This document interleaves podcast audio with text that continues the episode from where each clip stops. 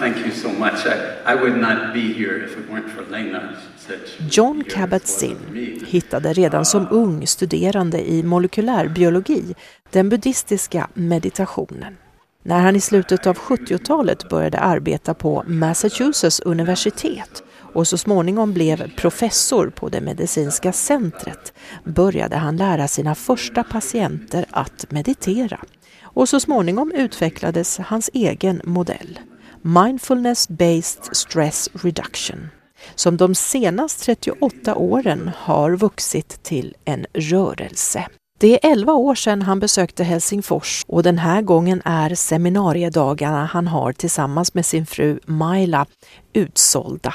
Hans och hans kollegors forskning på Massachusetts universitets medicinska center, hur meditation kan förbättra vår hälsa och till och med hjälpa kroniskt sjuka, har övertygat oss västerlänningar på allvar.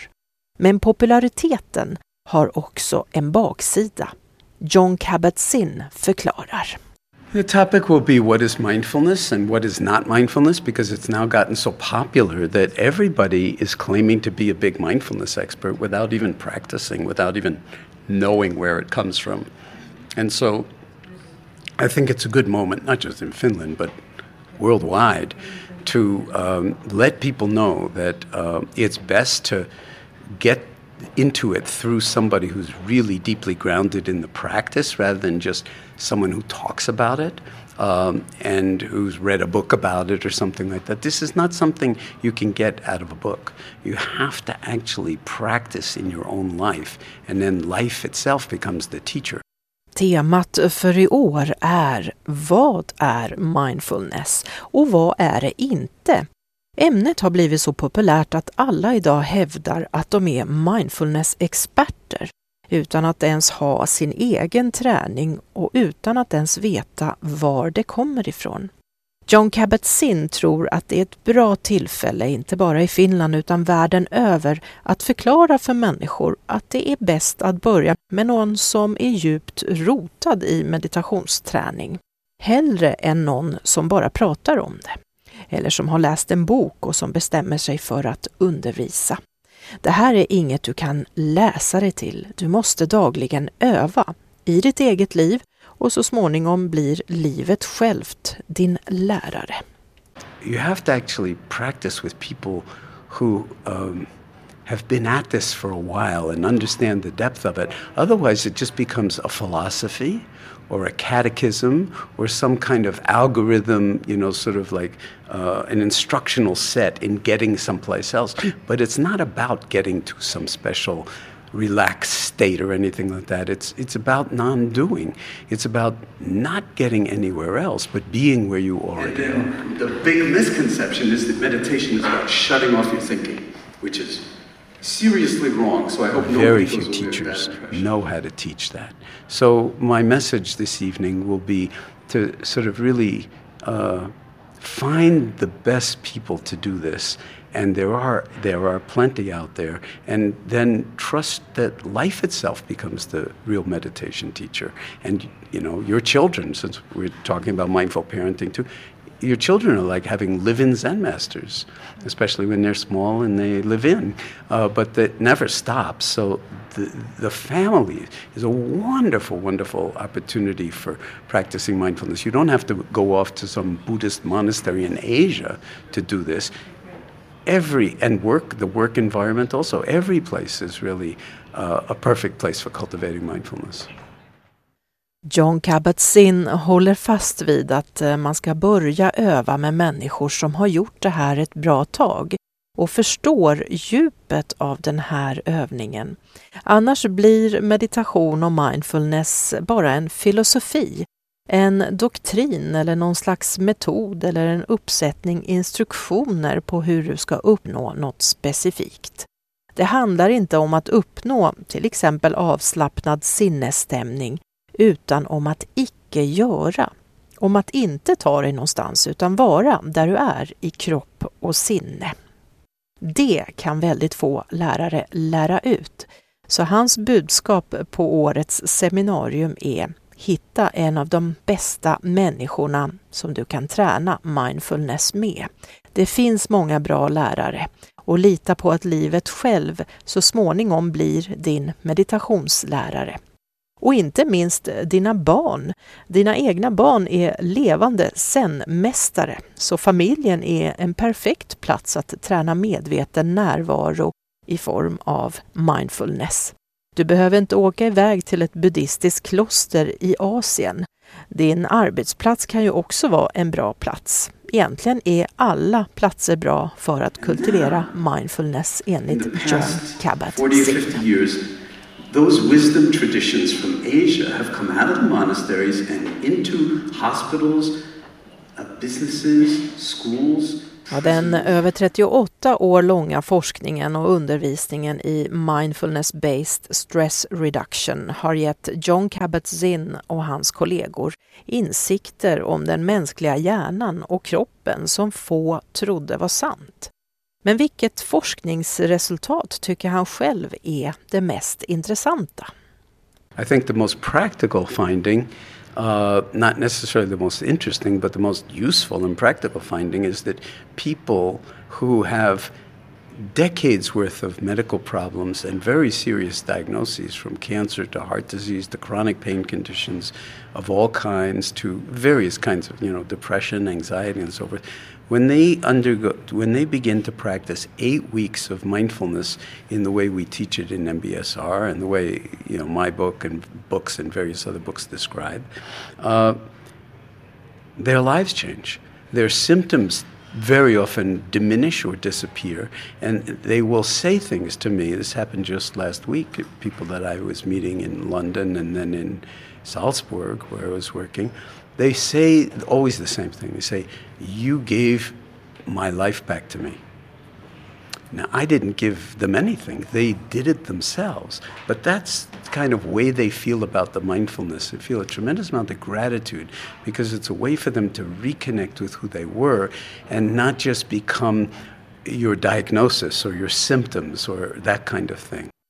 Ja, det kanske inte är det mest intressanta resultatet men det mest praktiska och användbara är den där vi kan hjälpa folk med långvariga allvarliga kroniska sjukdomar. Allt från hjärtsjukdomar till cancer och depressioner. När de här patienterna genomgått åtta veckor av mindfulness-träning med John Kabat-Zinns metod så förändras deras liv. Och förutom att deras symptom minskar så säger de alla samma sak. Du gav mig mitt liv tillbaka. So what's happening nowadays, never ever happened before on the planet, is these ancient meditative practices that have been around for centuries, for millennia, are now in conversation with modern science at the absolute highest levels of science. Now, in the past 38 years since I started the clinic, all sorts of new sciences have developed that allow us to do studies of what happens to these medical patients when they go through MBSR.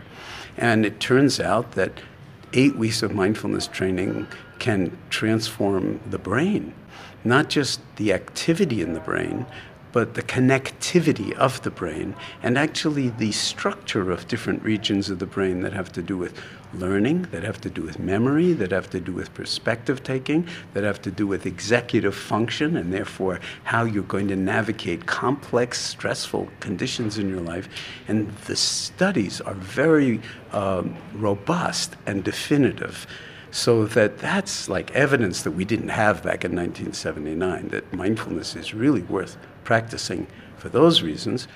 Sen John Kabat-Zinn startade den medicinska kliniken på Massachusetts universitet i USA för 38 år sedan har en rad forskning utvecklats som tillåter oss att studera vad som egentligen händer när man genomgår mindfulness, based stress reduction. Och det har visat sig att åtta veckor av mindfulness förändrar hjärnan. Inte bara aktiviteten i hjärnan utan också kopplingen och till och med strukturen i delar av hjärnan som kontrollerar lärandet, minnet, perspektiv och exekutiva funktioner som styr navigationen av hur du hanterar komplexa, stressfulla situationer. Studierna är väldigt robusta och definitiva. Det är forskningsbevis som de inte hade 1979 och som visar att mindfulness är värt att träna enligt John Kabat-Zinn. And you see, I mean, in certain studies, like with psoriasis, the skin heals. No one knows how it's actually happening yet. We've got to do a lot more science. But how can the mind influence uh, uh, uh, an uncontrolled cell proliferation in the epidermis? How does that happen? It turns out that not only is the brain what's called plastic, or that's a phenomenon called neuroplasticity, but the, the genome, our chromosomes, also respond to all sorts of lifestyle related uh, behaviors, one of which would be meditation. And meditation actually can change the, the genes that are turned on or turned off, that are upregulated or downregulated, as we say. And those genes often involve inflam- inflammatory processes that are involved in lots of chronic disease, and also cancer. So there's another piece of evidence. And then the third field is what's called telomeres and telomerase. These are the repeat DNA subunits at the tips of all of our chromosomes that degrade every time our cells divide. And it's now known that stress accelerates the shortening of the telomeres, and when they disappear, the cell dies. And so it's a biological model of aging and the death. And, um, and they've shown that meditation actually slows the degradation, the rate of degradation, rebuilds the telomeres, and in a sense reverses the aging process at the cellular level. So if you needed scientific, convincing scientific evidence that practicing meditation in the form of mindfulness was a good idea. There's plenty of evidence to suggest that. But the real reason to practice mindfulness is to live your life authentically and completely and not get caught in very often toxic patterns of behavior that lead to Forskningen visar också, berättar John, att inte bara hjärnan som är plastisk och i och med det är förändringsbar, utan också gener och kromosomer reagerar på olika typer av livsstilsförändringar, vilket meditation är en av. Meditation kan alltså förändra gener och det är oftast i generna som vi har inflammatoriska processer och de bidrar till många kroniska sjukdomar och inte minst cancer. Det tredje fältet som John Kabat-Zinn och hans kollegor studerat är telomerer, som alltså är svansen på våra kromosomer och som bryts ner varje gång våra celler delar sig. Nu vet forskarna att stress påverkar den lilla kromosomsvansen. Den blir kortare av stress och så småningom försvinner den och så dör cellen. I andra ordalag är det en biologisk modell av åldrande och döden. Det forskningen visar är att meditation saktar in nedbrytningen och bygger upp telomererna och vänder åldersprocessen på cellnivå.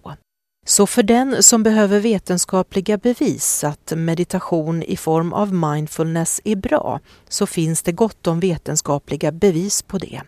Men den riktiga orsaken till att träna mindfulness är att leva ditt liv autentiskt och inte fastna i toxiska beteendemönster som leder till ohälsa och inte minst olycka, säger John Kabat-Zinn. Han är en stjärna på kändishimmen inom både new age-rörelsen och den medicinska forskningen och inte minst mindfulness-rörelsen. Men vad är egentligen mindfulness undrar jag? Well, the short answer is when, when, when uh, journalists ask me that, I've come up with two one word answers because they keep asking for one word answers. So, one is awareness. pure awareness. And, and that means, first of all, it's something we all already have, so it's not something you have to acquire. And the other word would be relationality. In other words, how are we in relationship to all of human experience inwardly in your body, in your mind, in your heart, and outwardly in terms of the world and other people. Uh, and so, mindfulness is the awareness that arises by paying attention on purpose in the present moment and non judgmentally. That's my working definition. So, everybody can pay attention. There's nothing particular mystical or uh, Asian about it every and the the only time you can pay attention is the present moment because that's the only moment any of us ever have. Although most of the time we're thinking about the past or the future, and so a little bit lost and not in the present moment. Ja, journalister har en tendens att fråga efter ett ords förklaringar och det korta svaret är närvaro. Medveten närvaro. Det är något vi alla redan har, inget vi behöver skaffa oss. Och för det andra är det relationsskap, det vill säga hur vi är i relation till mänskliga erfarenheter. Inåt mot dig själv, din kropp och utåt mot världen och andra människor. Så mindfulness är den medvetenhet som uppstår när du medvetet fokuserar på nuet och är icke dömande. Det är något vi alla kan göra för nuet är det enda vi egentligen har även om de flesta av oss för det mesta tänker på det som har varit eller som kommer, vilket kan göra oss lite förvirrade, tycker John Kabat-Zinn. You're, not, you're, trying, you're befriending experience and becoming more aware of how imprisoning greed, hatred and delusion are. Then you can recognize them better. You recognize them, you step back from it, don't take it personally, voila, you're here. The most challenging part of it is non judgmentally. Now, non judgmentally doesn't mean you won't have judgments, it means that you'll try to suspend judge, your judging and notice how judging how judgmental you are and then not judging that and then so in that sense becoming much more spacious and gentle with yourself and begin to realize that often our judgments prevent us from seeing clearly or feeling authentically because we react and lock into habitual emotional views and thoughts and so forth before we even know we're doing it, and that prevents us from being free to deal with every situation freshly. Det mest utmanande enligt John Kabat-Zinn är att vara icke dömande. Att vara icke dömande innebär att du inte ska vara helt utan dömande, men att du drar ner på ditt dömande av andra och inte minst dig själv och att du märker att du faktiskt är det i stunden då du är det. Det gör att du ger dig själv mer utrymme och är mer ödmjuk och inser att dömandet skuggar din syn. Det sker enligt John Kabat-Zinn på grund av att våra reaktioner kommer från känslomässiga och tankemässiga vanemönster. Och det sker oftast utan att vi ens märker att vi faktiskt dömer. Och det hindrar oss från att vara fria att tackla situationer med klarsynthet. in spite of all the beauty of scientific medicine, most chronic illnesses to date, we don't have cures for them. And you only find this out once you have the disease, and then it's a rude awakening. Like they can't fix you. It's not. It's not auto mechanics. But a lot of people think that John Kabat-Zinn hittade redan som ung studerande den buddhistiska meditationen. Vad är då skillnaden på traditionell buddhistisk meditation och mindfulness? That's a wonderful question. And uh, first of all, I'd say, uh, in essence, there's no difference. That uh, the heart of Buddhist meditation is called mindfulness and this kind of awareness that we're talking about.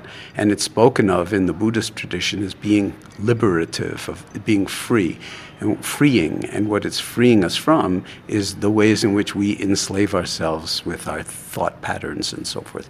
So, in essence, there's no difference whatsoever. The difference is really in the various forms and the vocabulary and the and the sort of um, languaging that's used to uh, to invite people in. So when it's done in as a kind of spiritual way or spiritual practice, uh, it seems to involve iconography. It involves certain amount of belief systems. It involves foreign kinds of temples and images and so forth. But when it's taught uh, universally, then we don't need any of that because it's really about awareness, which, as I said, we all already have. So, what we're cultivating is access to our awareness or intimacy with our own awareness, and that's something anybody's capable of. Essensen är detsamma, säger John Kabat-Zinn.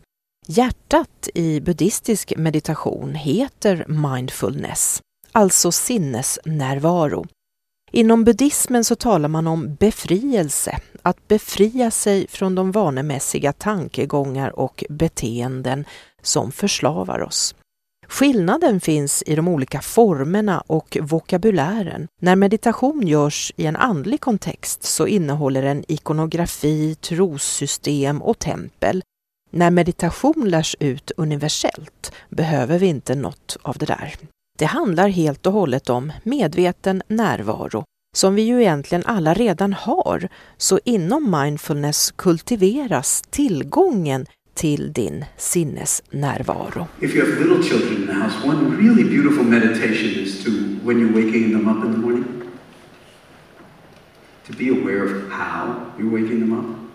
And maybe even to gaze on them, drink them in, look at them before you wake them up. Now, if you're late, you'll wake them up with anxiety and urgency. Tillsammans med frun Myla Kabat-Zinn som också är med de här seminariedagarna har John skrivit böcker i ett ämne som de båda håller kärt, nämligen Mindful Parenting. Mindful parenting is bringing mindfulness into your daily life with your family and your children. And uh, it really begins with um, bringing awareness to yourself, to the sort of inner landscape of your thoughts and feelings, and um, even in the body, how you're feeling. So that gives you a lot of information. And then, of course, awareness of the outer landscape of your children and the family, and what's sort of being being present and aware in the moment of uh, what's actually right there in front of you, because we get so carried away in thinking about, as John said, the future or the past, or are you know worried about getting here on time or what am I gonna how am I gonna get things to be the way I want them to be that we actually lose sight of what's really right here right now both within myself and also with my children. So it's a practice. It's something that we can work with in, in each moment and it gives us a lot of opportunity to um, to learn to grow so it's not just our children who are growing, of course, they're growing up, but can we also grow in some way, uh, in ways that, um, with, to have sort of greater wisdom and, and understanding in our lives?